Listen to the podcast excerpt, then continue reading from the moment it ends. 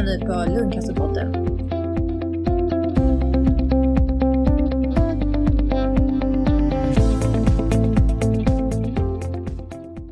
Hej Fredrik, Martin och Mia och välkomna hit. Och välkomna också ni som lyssnar. Eftersom det fortfarande är coronatid så gör vi inspelningen via Zoom ifall ni tycker att det hörs lite annorlunda. Detta är ju ett väldigt speciellt avsnitt eftersom Jan inte är med. Och det känns verkligen annorlunda. Det var ändå hon som hade initierat det här avsnittet som vi nu ska göra med Fredrik och Martin. Och som skrev manus. Och vi hade till och med bokat datum för inspelning som fick skjutas upp för att hon blev för dålig. Och nu finns Jan dessvärre inte med oss längre. Det är så svårt att ta in att kloka, fina, omtänksamma Jan är död. Trots allt så pratade vi mycket om döden, Jan och jag. Vi gjorde ju till och med två dödsavsnitt av podden. Ett med prästen Camilla Liv och ett med Humanisternas ordförande David Rönnegard. Jag kände direkt när jag fick höra att hon hade gått bort att jag ville göra något slags hyllningsprogram om henne. För hon har betytt så mycket för så många, inte bara för oss i lungcancersammanhang. Och jag vet att podden var jätteviktig för henne. Vi gjorde den sista inspelningen tillsammans bara två veckor innan hon dog. Mia, du som är co-host idag, du jobbar ju nära Jan i Lungcancerföreningen, både i styrelsen och genom olika medieaktiviteter som ni gjorde tillsammans. Och ni reste ju dessutom på några Almedalsveckor och lungcancerkonferenser ihop. Och du skrev förresten en jättefin nekrolog om Jan som var i DN här för någon vecka sedan. Kan inte du berätta lite kort om Jan, vem hon var, lite bakgrund och yrke och och vad hon har betytt för dig personligen. Ja, tack Ragnhild. Ja, Jan eh, och jag träffades eh, genom eh, att vi båda, när vi hade fått diagnos så gjorde vi båda varsin intervju för TV4 Nyheterna. Och det var faktiskt journalisten som intervjuade mig som tipsade om att det finns en annan journalist som också hade intresserat sig för lungcancer och det här med tidig upptäckt och att de faktiskt hade missat oss båda på vårdcentralerna. Då kontaktade jag Jan och eh, det var så vi lärde känna varandra i, i det sammanhanget. Därefter så startade vi ju direkt ett väldigt tajt samarbete och började fnula på olika projekt som vi kunde göra tillsammans för att öka kunskapen om lungcancer och framförallt det här då med tidig upptäckt, hur viktigt det är. Hennes bakgrund visade sig faktiskt, det var lite roligt för att när vi träffades första gången då mötte hon mig eh, på ett café och det första hon sa var att hon nämnde en gemensam kompis till oss och frågade om jag kände honom. Och det sa jag ju ja och då klickade det direkt hos mig fast hon var tio år yngre än jag så kom jag ihåg henne. Eh, jag hade träffat henne en gång på 90-talet när hon var tillsammans med den här gemensamma kompisen då. Och eh, redan då, jag glömde aldrig bort henne fast jag bara träffade henne en gång. Hon var otroligt livfull och eh, jag kommer ihåg att hon åkte rullskridskor in i stan och ja, var, gav ett väldigt sportigt och, och glatt intryck redan då. Så det var lite kul. Men vi hann ju träffas jättemycket, precis som du sa, och reste tillsammans och då lär man känna varandra ganska snabbt faktiskt eh, i en sån här situation också där man, ja, där är liv och död liksom. Hon föddes 1974 på Lidingö, rakt in i en eh, teaterfamilj som jag har uppfattat som att det var en ganska kul och eh, social uppväxt hon hade med sin pappa Pierre Fränkel som var skådespelare och eh, teaterchef sen i Malmö och eh, startade också, var med och startade Judiska teatern i Stockholm. Eh, hennes mamma jobbade också, mamma Ulla jobbade också inom teatern och så fanns stora syster Li då, som är två år äldre än Jan.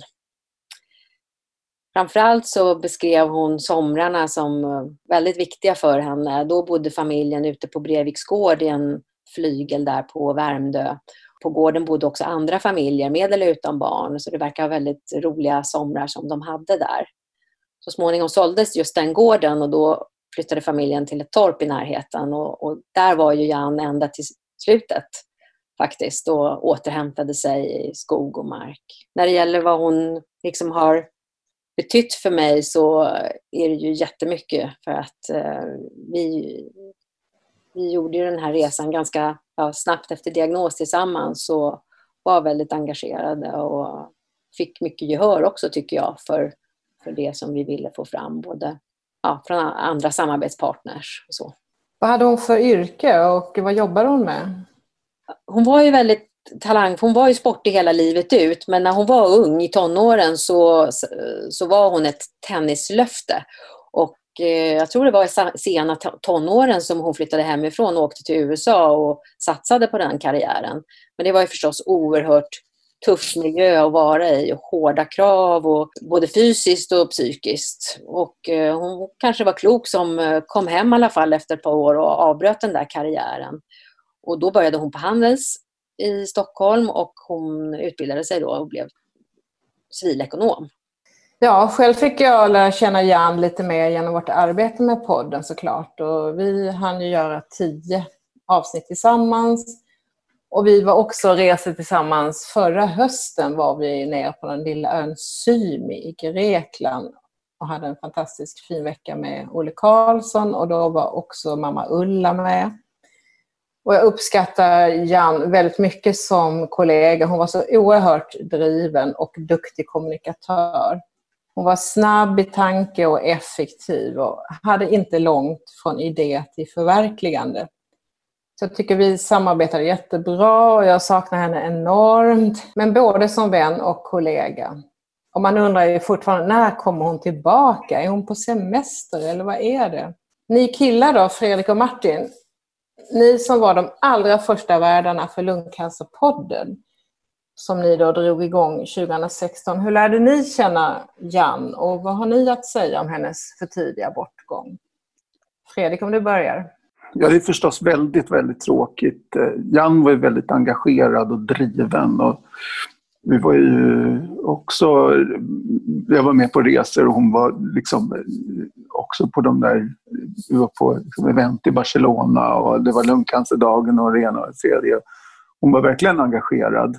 Eh, och personligen så försökte hon ju alltid ligga steget före sin sjukdom genom att lära sig mer om den. Hon lärde sig väldigt mycket. Liksom. Och jag pratade även med Tommy, eh, tidigare styrelseordförande för Lungcancerföreningen häromdagen. Och han instämmer verkligen med att vi har förlorat en väldigt stark röst från, eh, inom lungcancer. En person som har gjort mycket för att förbättra för alla som har lungcancer. Vi kommer sakna Jan väldigt mycket och vi saknar henne väldigt mycket. Mm. Martin, vad vill du säga? Ja, alltså det var ju så chockartat alltihop. Eh, det som hände nu i somras och sådär. Um, för mig så har det ju, jag lärde ju känna Jan egentligen genom Fredrik skulle jag säga när, i samband med att vi började diskutera att, att hitta någon efterträdare i, i podden. Jag hade träffat henne en gång yrkesmässigt tidigare, det har hon varit öppen med själv också. Och hon var en sån där som bara gick in innanför ens eh, murar på något sätt och grep tag i en. Eh, och nu då när det blev så, jag upplevde ju henne som en, en nära vän och sen så när hon plötsligt då gick bort så förstod jag liksom hur lite jag egentligen kunde om Jan.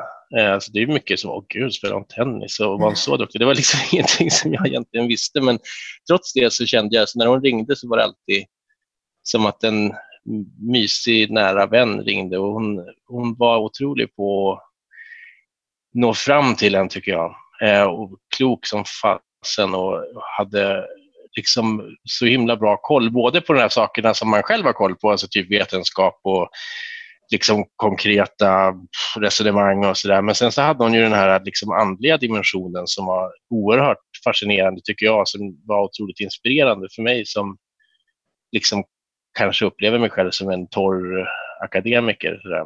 Nej, men så att, eh, som sagt, eller som ni har sagt, jag menar, otroligt härlig, varm, klok, fin person som kommer sak jag hade verkligen velat lära mig detaljerna och fått höra storiesna från hennes liv, för de verkar vara riktigt häftiga. Hon levde, hon levde verkligen. Det är väl också en sån här grej, att fasen hon levde. Jo. Verkligen. Men att man lärde känna varandra på så kort tid, det blev så intensivt, liksom, de åren man umgicks och sen så helt plötsligt så är det bara borta. Det känns mm. så overkligt. Om vi nu gör en liten övergång här. Vi skulle ju göra programmet om podden som Jan hade skrivit manus till. Och då blir det ju att vi koncentrerar oss lite på vad eh, Fredrik och Martin gjorde. Ni spelade ju in 50 program under lite drygt två år. Man fattar inte hur ni hann med. Ni måste ju hålla på halvtid med podden, mer eller mindre. Och sen tog Jan och Maria Barat över och gjorde tio program. Och sen för två år sedan så kom jag in i bilden och jag och Jan han gör tio program. Man kan ju konstatera att Lungcancerpodden fortfarande verkar behövas och att programidéerna inte har tömts ut efter dessa år. Och jag fick faktiskt en lista som fanns i Jans dator som hennes eh, mamma gav mig. Och jag tror det var 25 förslag på nya avsnitt som inte har förverkligats ännu. Så att där har jag lite att jobba med. Och det finns nya infallsvinklar hela tiden att göra program om. Så att eh, om ni eh, har några idéer så tar jag gärna emot förslag på det. Men har ni några som ni ville ta upp men som ni inte hann med? Eller har ni några nya förslag till oss? Ehm, Fredrik, Oj. du får eh, börja på den, ta den på uppstuds. Ja. Oj, vad svårt. Vi pratade grillar och husvagnar på Just det. det var mer sånt. Man kan väl säga att det kanske är förklaringen till att vi lyckades eh, pressa ur oss 50 program, att vi, vi pratade lite allt möjligt sådär. Eh, ja. Ganska mycket off, off topic liksom. Men det är det som är så ehm. härligt. men, nej, men jag tycker att alltså, det var väl en av de sakerna som vi lämnade över podden med, liksom, att det vore jätteläckert att få nya perspektiv och nya infallsvinklar. Vi kände väl att vi hade kramat ur den här liksom, Fredrik och Martin-trasan. Eh, nu, nu, behövs det nya, friska eh, liksom, tankar och så och det, det, var ju verkligen det som kom in med först eh, Janne och Maria och sen så när du kom in och, och Mia, du spelade in något avsnitt också vill jag minnas.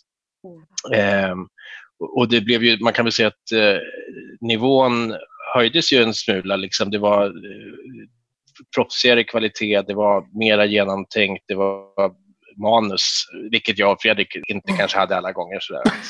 okay. eh, men, men jag tycker att samtidigt är det lite grann det som är så jäkla häftigt med det här, att eftersom det som är huvudtemat, cancer hela tiden. Det förändras så snabbt, det händer så mycket så det liksom dyker upp nya teman hela tiden. Och sen så finns då de här sakerna bakom som jag tycker de här avsnitten där ni började närma er alltså diskussionen kring döden, någonting som vi alla går omkring och liksom umgås med någonstans men inte riktigt vågar sätta på. Så modet att ta upp det tycker jag var otroligt och jätteviktigt. Och, och jag menar, ja, det, det kan man nog fortsätta mm. i mer också. Den typen Jag har fått många negativa reaktioner på det, men så är det ju alltid. Mm. Att man inte vågar prata om sånt. Mm. Eh, fick ni höra många lyssnarreaktioner? Jag är sugen att höra på. Alltså, vi fick ju några, men eh, inte så många på mejl. Alltså, en del, men, men mm. Eh, däremot så fick vi, vet vi både på ren avsnittsstatistik och till exempel på lung, lungcancerdagen att folk kommer fram och säger att podden är bra. Och liksom, att de känner igen den ja, det, det, liksom, det var ju må, många som lyssnade och sådär. Ja. Ja, alltså hjälper man en enda person, då är det ju värt det. Verkligen. Mm. Jo, nej, men det, det, tycker jag, det är väl min känsla också, just att det var inte så att det välde in liksom beundrarpost, men däremot så de här små guldkornen som kom ibland och som fortfarande kommer, åh, det var det där som liksom gjorde att jag orkade med första tiden och så där. Det är ju någonting som är helt fantastiskt att vi fått hjälpa till med. Liksom. För det, det, det, det känns som en otrolig ynnest att ha fått varit med och gjort det. Fredrik och Martin, alla våra lyssnare kanske inte vet eh, vilka ni är riktigt, eller för att de inte har hunnit lyssna på alla de här 50 programmen. Skulle ni vilja presentera er lite grann? Fredrik, du kan väl börja? Jag heter Fredrik och jag är datakonsult, eh, systemutvecklare och frilans sedan jag var 18 ungefär. då när jag startade mitt företag. Eh, jag, har, jag träffade min fru Caroline ungefär samtidigt. Eh, och jag har en, idag en son, Milou, som är fyra år. Eh, jag har bott i Stockholm, Malmö, Lund och är nu åter hemma i Stockholm igen, på Södermalm. Och jag fick icke småcellig lungcancerdiagnos som 35-åring. Det var sju år sedan. Jag är 42 idag. Och fick reda på att jag var EGFR-mutant. Jag har gått igenom olika cellgifter, olika målstyrda behandlingar, alltså pillerbehandling. Jag har strålat mot ryggen, jag har kört gammakniven i skallen, jag har varit igenom immunterapi. Nu är jag på angionesisterapi. Så att, eh, liksom, det har gått upp och ner hela tiden. Och eh, liksom år av progression och år av att, att det går bra helt enkelt. Det, det har verkligen varit upp och ner hela tiden. Men jag har försökt att hålla mig positiv och sådär. Som sagt, vi start, jag startade Lungcancerpodden med Martin 2016. Ja. Mm, vi kommer komma in lite mer på det sen. Men Martin, vem är du? Oj, ja. Det en bra fråga höll jag på att säga. Det är väl sånt som man i min ålder, jag är 43, fyller 44, börjar fundera på vem fasen är man egentligen? Eh, det är lite skrämmande ibland. Men eh, om man ska titta bakåt så jag, jag är född i Härnösand 76 eh, och eh, växte upp där eh, och sen så pluggade jag till läkare i Uppsala och blev väl färdig i början på 2000-talet och råkade hamna på lungkliniken som av en slump i princip. Jag behövde ett jobb efter, efter plugget i väntan på ATn och eh, fick då möjligheten att jobba med den som sen skulle bli min mentor, verkligen Kristina Lamberg som är en av Sveriges liksom, eh, mest fenomenala läkare, skulle jag vilja säga, men, men fokuserad på, på lungcancer. Hon är en sån riktig, en riktig läkare. Och det var en eh, ögonöppnare att få, få jobba med någon som var så oerhört eh, och mänsklig och som alltid kände människan bakom patienten som kom in i rummet. Liksom. Och hon gjorde att jag bara tvärfastnade i att kämpa mot lungcancer. Och när jag började så var det ju så att lungcancer var i princip, om man hade en spridd lungcancer, det var en dödsdom, en, en dödsdom som ledde till avslutet alldeles, alldeles för snabbt. Alltså, det, det, det, rörde sig ju, om man hade tur, om ett år kanske eller så. Hur länge sedan var detta? Det... Ja, det var början på 2000-talet, så säg 2005, 2006, någonting i den stilen. Mm. Det är ju inte jättelänge sedan, men det är klart, det är lite skrämmande att komma och inse att shit, det har gått 15 år sedan dess i princip. Men på de här 15 åren så har det ju hänt enormt mycket. Så jag menar, det, mitt initiala fokus var egentligen på alltså, ja, palliativ vård, att, att eh, hjälpa människor att få ett värdigt slut kan man väl säga. Och sen så kom då, precis i början när jag jobbade, så började man prata om EGFR-mutationen och, och, det kom behandlingar mot den. Och vi, jag kommer ihåg fortfarande och får samma känsla fortfarande när jag tänker på det.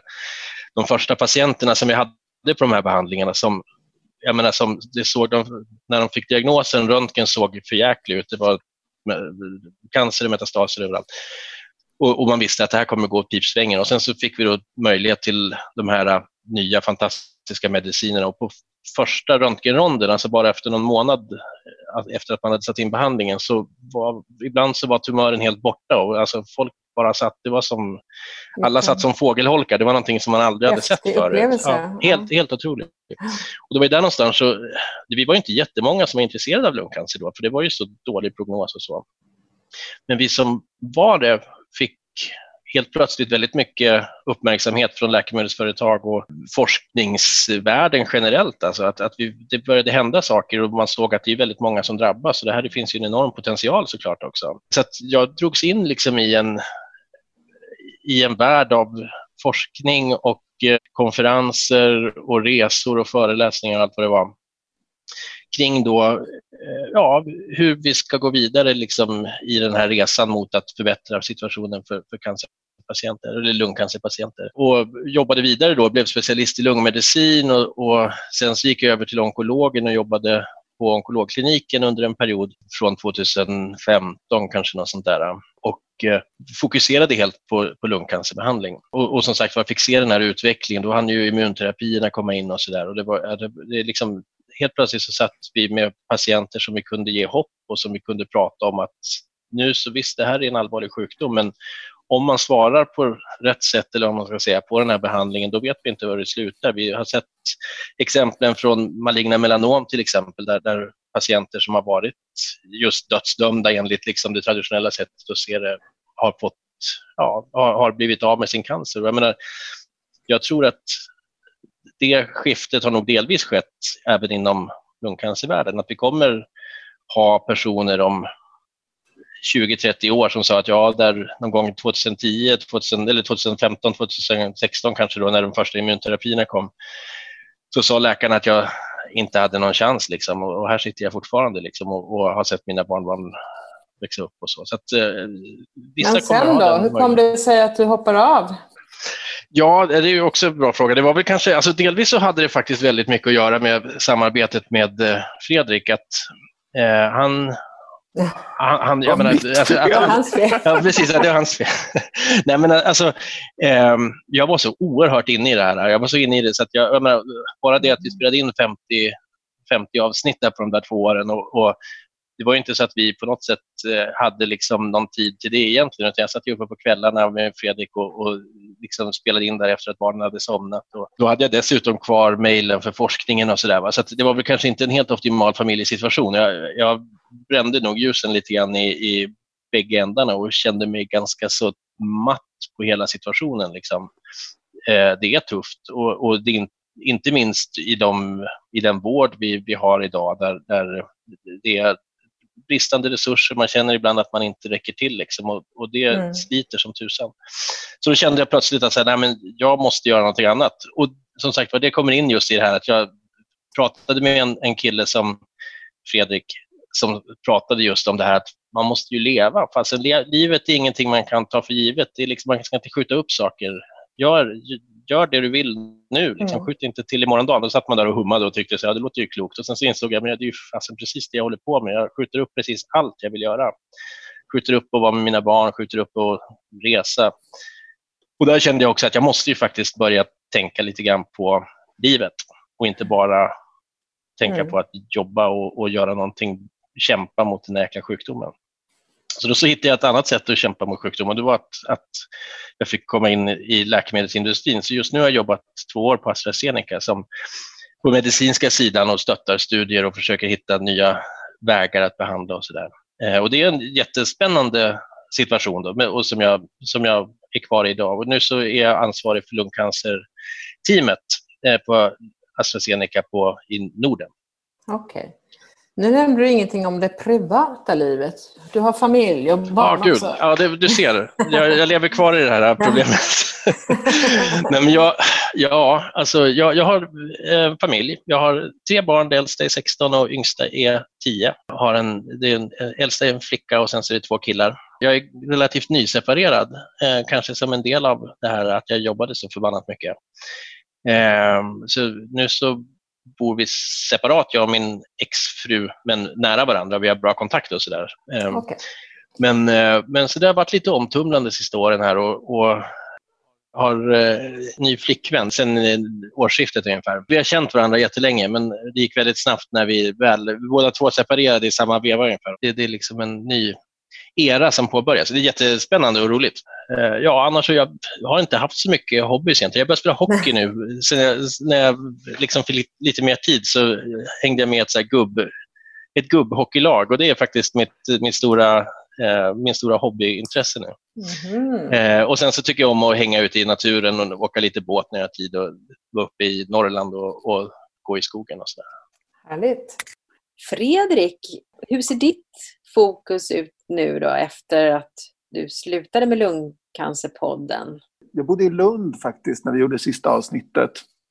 Eh, och det var lite, jag var i, i någon, alltså jag var precis i progression och började med en ny eh, det kom en ny TKI precis då, så att eh, jag började med den och det var liksom det var lite, det var lite stormigt men, men nu i alla fall jag, jag flyttade till Stockholm, sålde, köpte en ny bil och jag slutade officiellt i Lungcancerföreningens styrelse. Eh, jag är ju fortfarande några gästspel, men det är liksom, jag har varvat ner lite kan man väl säga sen eh, vi slutade med Lungcancerpodden och det har varit rätt skönt. Jag, har i och för sig varit lite insyltad i Eh, liksom en europeisk eh, grupp som organiserar eh, ESMO, ett patientspår i ESMO. Så att det liksom, man, ja, man kan inte hålla fingrarna från syltburken helt enkelt. Så kommer det något roligt så hoppar man gärna på det och försöker bidra med, med det man kan. Okej, okay. ni pratade ju själv om att det är många som har eh, sagt att eh, Lungcancerpodden har varit ett väldigt stort stöd och det kan jag verkligen skriva under på att det var för mig också i början. Speciellt när jag fick min diagnos. Man kände ingen som hade den här sjukdomen och förstod inte hur man skulle hantera det och de på sjukhuset var inte så där hjälpsamma heller. Men då kändes det så oerhört befriande att kunna lyssna på er och att ni kunde faktiskt skämta och ha en positiv hållning. Att man kunde prata som vanligt om eh, lungcancer. Alltså det gjorde att det avdramatiserades, det här svåra och stigmatiserande. Och häromdagen fick jag höra en kvinna som berättade för mig att när hon fick sin diagnos och var helt i chocktillstånd på Visby sjukhus, då kom det en sköterska som sprang efter henne det finns en podd du kan lyssna på heter Lungcancerpodden. Det var liksom första hjälpen. Liksom, istället. Mm. Ja, det finns någonting du kan göra åtminstone när du har fått den här sjukdomen. Så att jag tror att det har betytt oerhört mycket. Mia, vad har du för förhållande till Lungcancerpodden? Som vi sa, du har ju också varit co-host på några avsnitt och varit med Jan. Men har du lyssnat på alla avsnitt? Har du tagit till dig Fredrik och Martin? Nej, jag har förmånen att ha nästan alla avsnitt kvar. okay. Flera av eh, dina och Jans eh, program. Så att eh, det ser jag faktiskt fram emot. Men de här tre åren de har varit väldigt uppfyllda av olika projekt som bland annat då Jan och jag drev tillsammans. Så att tiden har verkligen gått åt till det. Men eh, precis som Fredrik känner jag också nu att jag tar det lite lugnare och eh, det är ganska skönt och då, då ser jag fram emot att få göra sådana här saker som att lyssna på Lungcancerpodden. Precis. Hur tänkte ni då, Fredrik och Martin, när ni planerade för podden, när ni startade? Det vi kände det var att vi stötte ihop med varandra eh, lite grann av en slump tror jag. Det var Fredrik som kontaktade mig eh, initialt och så skulle jag kanske eventuellt få hjälpa till med någonting men sen så rann det lite grann ut i sanden för att lösa sig ändå. Men sen så då hade vi liksom fått kontakt och sen så var det bara så, här så att det klickade och det kändes som att fast, vi måste göra någonting av det här. Vi är liksom två stycken jämnåriga pojkar slash män som är helt insyltade i lungcancer från varsitt eh, håll. Liksom. Och eh, vi skulle vilja lyfta den här grejen och, och göra någonting av det. Och, och, så på den vägen var det. Det, var liksom, det kändes bara så naturligt att vi skulle snacka om det och vi pratade så jäkla mycket. Liksom. Och jag tror att det handlade mycket om just det här att, att båda såg att den gängse uppfattningen var ju att lungcancer pratade man inte om. Lungcancer var lite pinsamt och, och, och det var bara hemskt och, och deprimerande allt som fanns. Och så såg vi att men det finns faktiskt andra infallsvinklar också och det börjar komma hopp och vi ville väl lyfta just den biten. Verkligen. Lungcancer var någonting man liksom såg på text-tv och bara oh, läskigt, zappa förbi och liksom inte vågade ens läsa om. Eh, men sen att, precis som Martin säger, att avdramatisera det. Och liksom, ja, det kändes viktigt. Och sen så att liksom, om man, jag tycker alltid att om man närmar sig ett problem, en vattenskada i badrummet, den där lilla kakelplattan som alltid sitter löst liksom, eller ser misstänksam ut. När man börjar liksom fila på den och, och se, liksom, eller ta dit någon byggare eller en, en expert liksom, och se, ja, men det är inte så farligt ändå. Man, man kan liksom, ja, det är värt att göra den resan och försöka mm. närma sig. Så, och liksom kunna sprida det till, till människor, det kändes värdefullt. Mm. Det låg ju i tiden också att göra poddar, det har ju kommit mer och mer. Men ni kanske var där bland innovatörerna? Ja, det kom ett gäng cancerpoddar i samma veva, så vi hade lite det, det var, men, men, det var väl just att, att möjligheten kom och det fanns ett tydligt behov, så kan man väl mm. säga. Och varför valde ni att lämna över podden sen då till just Jan och Maria? Kände ni dem eller ni hade stött på dem? Du kände Jan, va? Mm, alltså jag hade ju liksom, jag hade ju träffat Jan vid ett tillfälle, men sen så vill jag minnas att det var du genom Lungcancerföreningen som lite grann mm. hade någon kontakt. Så, där. så att det var väl så vi liksom fick med Jan på, på tåget, tror jag. Ja, eh, och, och, och, för vår del så var det ju att, att alltså vi började känna oss ganska trötta och lite sådär att det här är lite tomgång nu. Sådär. Mm, ja, eh, och vi, vi, hade väl kanske lite, vi hade väl lite höga ambitioner vad det gäller antalet avsnitt. Vi försökte dra iväg ett i månaden i alla fall, minst. Liksom.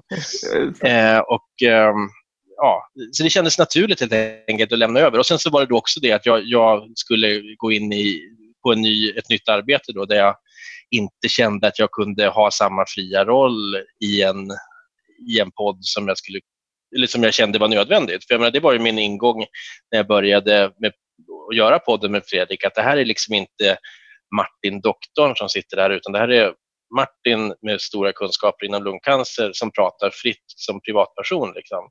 Är inte bunden av eh, vårdprogram eller eh, verksamhetschefer. Och så. Fick du kritik någonstans ifrån, eh, från sjukhuset eller från ditt nuvarande arbete?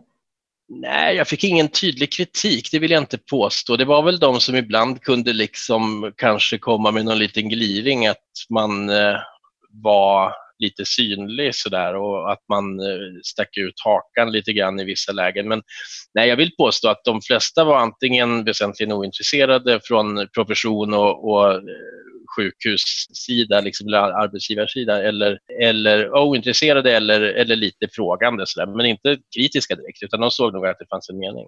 Många lyssnare undrar säkert hur det ser ut för dig, Fredrik, eh, idag. Du nämnde ju att du har gått igenom många olika sorters behandlingar. Du kanske kan börja med att berätta när du fick din diagnos? Ja, jag, jag var 35 år. Eh, jag hade precis sprungit Stockholm Marathon. Liksom identifiera mig som en rätt eh, eh, liksom frisk och hälsosam kille när jag eh, liksom tappade, eh, tappade flåset helt enkelt. Eh, Kila iväg till min doktor och, och, och eh, ja, liksom lungan hade kollapsat och så eh, in på sjukan där som 35-åring och så sätter sig doktorn bredvid mig efter en vecka och har varit där liksom och blivit nerbruten i, i tyvärr, man blir liksom rätt eh, det var rätt tung sån här dräneringsbehandling. Eh, man har en slang liksom kopplad till lungan och den suger vätska. Och jag trodde liksom att det var någon löparskada nästan när jag åkte in och blev, fick min diagnos. Ja. Men, men eh, doktorn sätter sig bredvid mig och säger Fredrik, du har lungcancer och vi kan inte bota dig.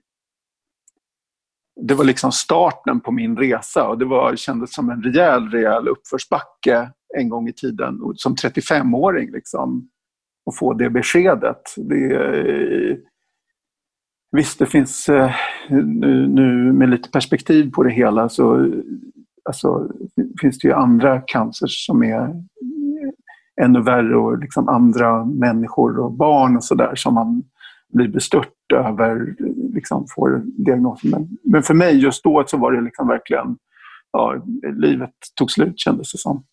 Men sen när eh, jag liksom hade fått, kommit in i det lite och börjat läsa om det och man liksom ser att det är nya eh, behandlingar på gång och sådär. Det här var 2013.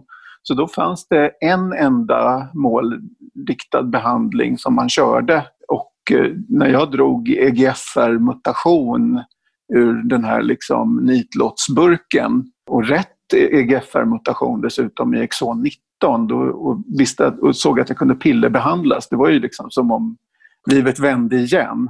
Så det, det verkligen, det har alltid varit, liksom, sen dess, en berg och dalbana av inte dess like. Jag menar, när man går till läkaren och så ser man att, att Eh, den här behandlingen man är på, att det slutar ta och att man har någon grej som växer igen. Det är ju så. Eh, och man försöker liksom sitta hemma och googla på kvällarna och liksom eh, prata med folk man känner. Vad finns det för möjliga liksom, saker att göra nu? Ehm, och hela den där upp och nerresan hela tiden som de här sju åren nu har varit.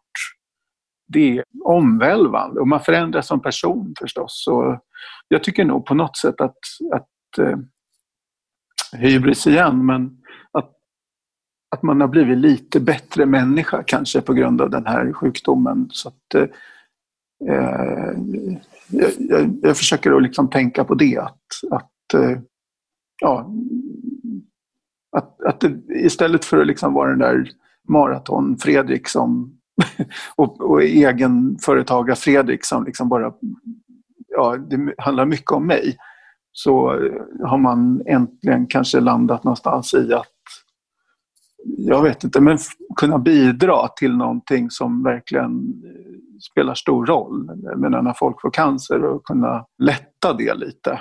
Jag känner igen det där lite som du berättar att, eh, att det finns faktiskt positiva saker också med, med att få en sån här allvarlig diagnos som påverkar en att förändra sitt liv. Och vad jag har förstått, du har ju också fått barn efter din diagnos. Mm. Och det var ju en väldig, eh, ett väldigt beslut får man säga.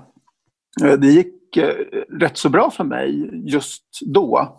Jag hade liksom väldigt god effekt av eh, mina behandlingar och så. Jag hade nästan total, total respons. Eh, man såg ingenting i mig längre. Ja, min, min fru har alltid drömt om att bli mamma.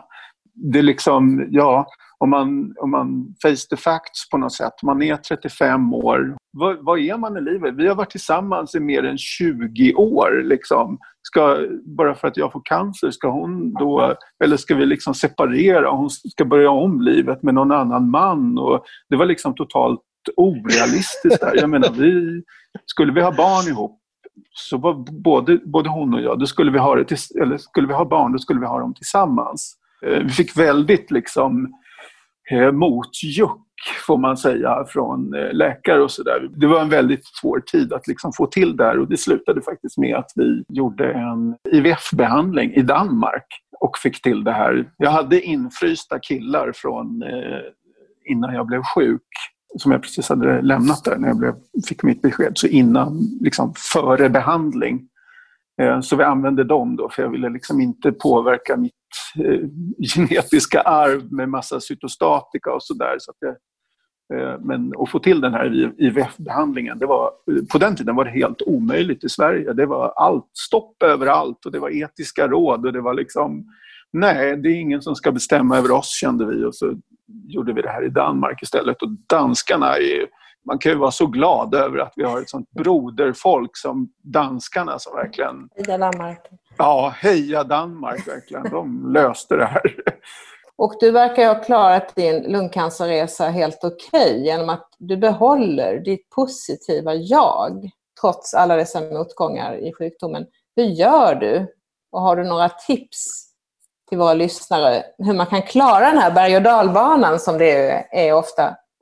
Ja ja, guldfiskminne börjar ett minne som är liksom kort och jag, sen så, jag glömmer bort det som är jobbigt och liksom bara så är jag glad igen helt enkelt.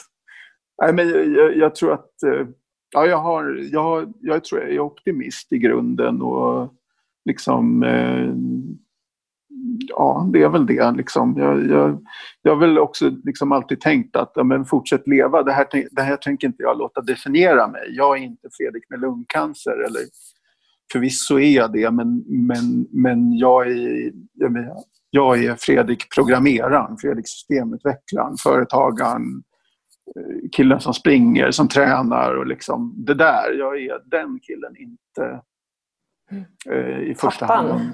Ja, pappan verkligen. Maken. Mm. Liksom. Eh, det vill jag vara.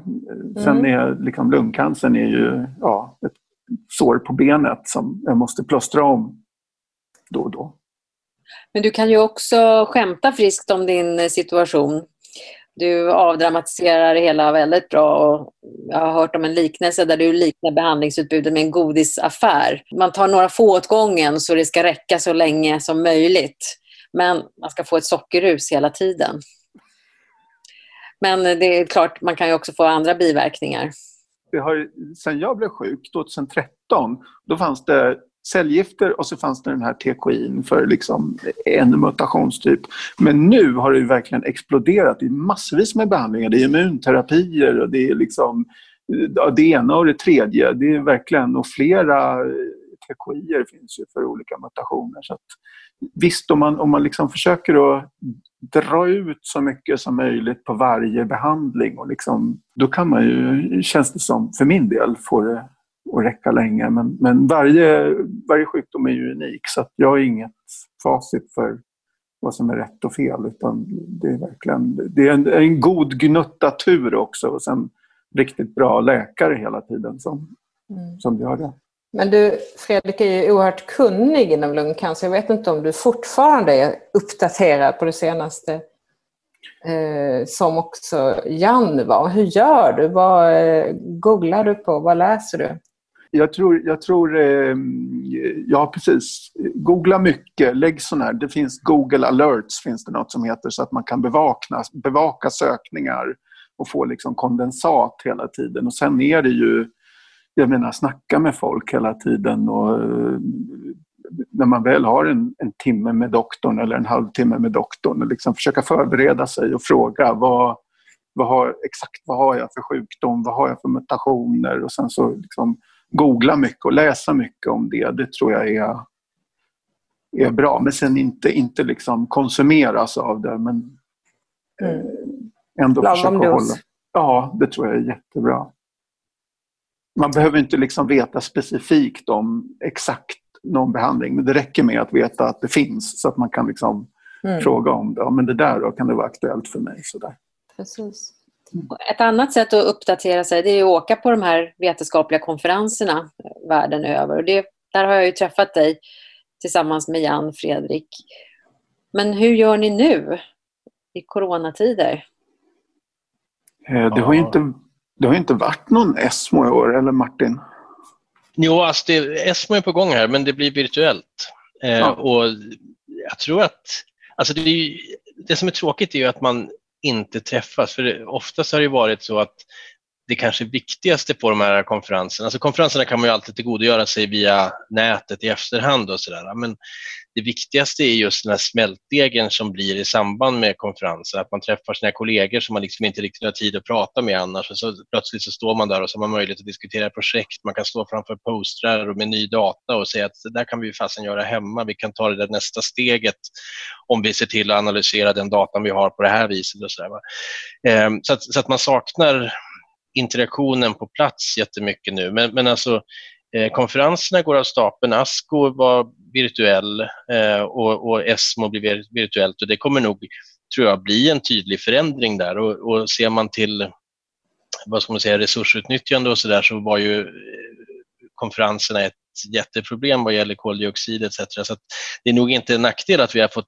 eh, testa lite grann ett annat sätt att ha dem på. Men, men som sagt, Ehm, de är enormt viktiga just för att skapa den här äh, smältdegen tror jag, av forskning, fokus, äh, liksom driv och, och, att man har något milestones att, att se till att få fram sina resultat till och sådär. Så att, äh, det, det, har funkat, men, men det är klart att det är lite haltande nu under den här perioden när vi inte har kunnat resa.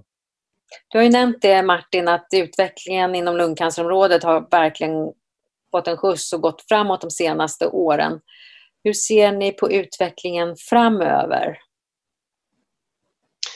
Så från min horisont så upplever jag att den har ju varit exponentiell under ja, de senaste tio åren. Att så fort man har publicerat data och fått eh, en ny möjlighet till behandling så har nästa typ av frågor börjat komma.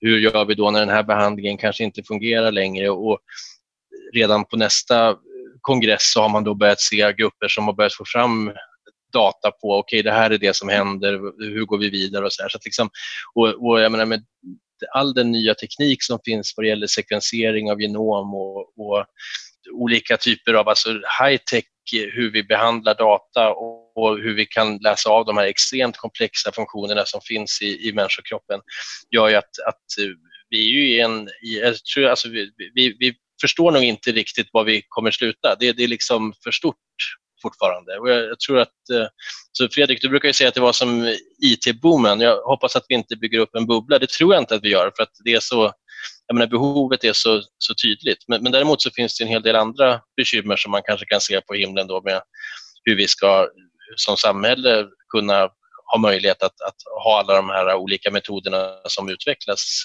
eh, uppe och igång. Det finns så mycket hopp i det, så det, det drivs av, av det.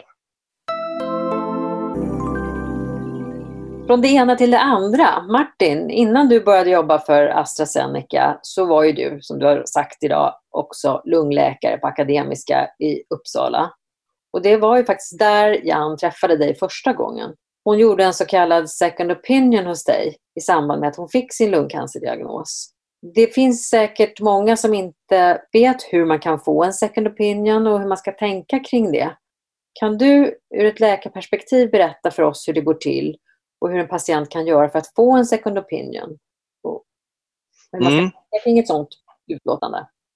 Absolut. Eh, nej men det är ju så att det, man har en rättighet som patient att, att eh, få en så kallad second opinion eller förnyad bedömning tror jag det kallas i, i den försvenskade versionen. Det, det, är någonting som jag tycker att man, man eh, ska utnyttja om man känner sig osäker så att säga. Och det, det, jag sa ofta, som sagt det här var ju ett tag sedan jag, jag arbetade kliniskt nu, men, men eh, på den tiden, eller vad man ska säga, så, så brukade jag ofta säga till mina patienter som ett sätt att också etablera förtroende att det här är ett jättestort stort beslut som vi tar nu i samband med att vi ska gå in i en behandling till exempel. Och är det så att du känner att du vill ha en, en annan bedömning så, så, så eh, kommer jag skriva en remiss dit du väljer att få. Så där. Och de flesta säger ju i det läget att Nej, men jag känner mig trygg med den utredning och den bedömning du gör den bedömning ni gör, för man diskuterar ju ofta det i, eller man diskuterar ju alltid det i teamet. Men samtidigt så är det ibland så att, att någon känner att man vill träffa en annan doktor också och då, då tycker jag att det är någonting som, menar, det är ett av de största besluten man gör i livet och det är klart att man ska ha möjlighet att, att få en eh, få stöttning i det från flera håll. Så där. Det som är bra är också att ofta så är en second opinion ett tillfälle där man har möjlighet att träffa då en, en läkare som man kanske kan ställa. Man har hunnit tänka igenom sina frågor lite grann. Man, man eh, kan få lite andra infallsvinklar och, och, och, den doktorn kan förhoppningsvis ge lite grann av de svaren som man kanske inte fick från sin ursprungliga doktor. Så att säga. Så att det, det, blir en lite annan, annan typ av möte och eh, jag tycker att de mötena oftast är väldigt värdefulla. Så att, eh, det är någonting, känner man att man orkar och känner man att man känner sig otrygg i den situation man är i så, så finns det, det som en möjlighet för, för patienter. Är det någonting man väljer själv då, vilket sjukhus och så som ska göra det? Eller? Man får diskutera det med sin, med sin läkare eh, och man kan komma med egna förslag och så. Ja. Eh, men, men, det kan nog vara lite beroende på olika landsting och vilka rutiner det finns och så vidare. Men i grund och botten så handlar det, det handlar om att skapa förtroende. Så att mycket, mycket handlar om att man själv ska kunna ge en, en, alltså var känner man själv att man har det förtroendet mm. Eh, och att man kan komma med förslag. Och det kan man väl också, jag menar om man tycker det är jobbigt att säga det till läkaren att eh, ja, eh, så kan man ju ta det med sin kontaktsyrra så kan hon liksom säga, eller man kan säga till henne att jag, vill, jag skulle vilja ha en second opinion, kan du ordna det till mig? Så får hon liksom routa det via doktorn. Men, eh, ja, men det är ju ett bra, en bra idé att liksom titta ut någon doktor som man gillar eller har förtroende för och, och få det här. Om vi tar upp tråden om förhållningssätt till att leva med en dödlig sjukdom som vi har pratat om, hur du Fredrik möter livet med lungcancer. Har ni båda några allmänna tankar om vad vi med lungcancer och även närstående kan göra för att behålla hoppet och en positiv livssyn? Mitt praktexempel är väl Fredrik någonstans som jag tycker har, jag menar, utifrån sina förutsättningar uppenbart gjort ett bra val i att vara öppen, att vara välunderrättad, att se sig själv som Fredrik och inte eh, som, som en lungcancerpatient i första hand. Och jag tror att eh, att just det här att försöka fånga hoppet och att försöka se till möjligheterna och att vara öppen och försöka göra det till någonting som man faktiskt kan prata om. Det tror jag är väldigt viktigt. Det tycker jag har sett hos, hos många. Jag tror det också. Och sen så liksom känna efter själv. Vad är det jag behöver eh, för att klara det här? Och kan inte vården bistå med det så ordna det själv. Eh, jag går till exempel hos en psykoterapeut eh, Eh, och jag tror liksom vården jag tror att man har rätt till en kurator när man eh, eh hamnar i den här situationen. Men, eh, och kuratorerna är all ära, men det kan vara, liksom, en idé kan vara att skaffa en egen som man gillar. Eh, alltså som man inte blir liksom tilldelad utan hitta någon som man liksom klaffar med som man kan ibland gå... För det är liksom, man går och snackar och liksom pratar om livet och liksom, ja, men hur tänker du där och hur gör du då? Eh, man kan liksom få andra infallsvinklar på saker. Om man fastnar i saker i livet och sådär eller i, i tankar så kan man liksom komma ifrån dem eh, lätt med, med liksom professionell hjälp. Det tror jag. Det är jätteviktigt. Ja, ja det tror jag är jätteviktigt. Det blir som en coach. Ja, precis. Exakt. Jag kan säga att jag i dessa coronatider har fått en sån typ av eh, terapeut via nätet så att man bara sitter och pratar i telefon med varandra. Men Ah. ändå så, det hjälper mig jättemycket att någon utifrån bara liksom tittar på mitt liv Ja. ja, vad kul. Vad kul. och eh, kan ta upp trådar och så vidare. Ja, med de orden börjar det kanske bli dags för oss att runda av. Men innan vi tackar för oss så är det någonting annat som ni vill lämna till våra lyssnare? Det blir extra tydligt när man, när man pratar så här nära om, om upplevelser kring lungcancer och vård och så där. Så jag pratade med Jan precis strax innan hon, hon gick bort och då så lovade jag henne att jag skulle komma tillbaks till sjukvården någonstans. Och det känner jag ju att det, det, det skulle vara fantastiskt att få komma tillbaka till sjukvården här framöver och, och, och jobba med de här frågorna igen mer hands-on än vad jag gör. Samtidigt som jag så trivs jättebra i den roll jag har. Jag tycker vi gör jättemycket bra saker eh, så att säga, lite grann från sidlinjen för att stötta det här. Men, men som sagt var, jag, jag vill, vill vid något tillfälle komma tillbaka och jobba, jobba närmare vården. Så det hoppas jag att kunna göra framöver. Ja, jag skulle vilja säga att, att fortsätt leva. Behandling... Nu kom min son hem här. Hej pappa! Nej, men fortsätt leva. Behandlingen är ju till för att du ska kunna leva på, så glöm inte det. Alltså, lev inte för behandlingen, utan lev liksom för att leva. Behandlingen är till för att du ska leva. Försök att vara dig själv så mycket som möjligt och låt inte cancergrejen ta över saker i ditt liv. Alltså, du är inte du med cancer. Jag tycker inte att man, och så tycker jag inte att man ska spela cancerkortet eller den här ursäkten för ofta. Eh, man ska inte göra sig själv till ett offer. Liksom. Jag, jag tror inte man mår bra av liksom, för mycket ja men du måste vara extra snäll mot mig för jag har cancer. Försök att hitta ditt verkliga jag och det här jaget du hade innan. Och liksom kör på, kör på järnet. Du ska fan ta det här. Bra Fredrik! Tack Fredrik och Martin. Det har varit så kul att få hänga med er ett tag och höra vad ni gör nu för tiden och lite om det gamla också. Och tack Mia för att du ställde upp som co-host. Och vi hoppas såklart på en fortsättning av podden framöver. Det är ju lite oklart som ni kanske förstår. Men skulle du som lyssnare vara intresserad av att jobba med podden så hör av dig till oss. Och stort tack till Taylor för inspelningen. Och man hoppas ju att Jan har lyssnat på oss någonstans där uppe och undrar om vi har fått godkänt. Jag hoppas det. Hej då och trevlig höst på er alla lyssnare.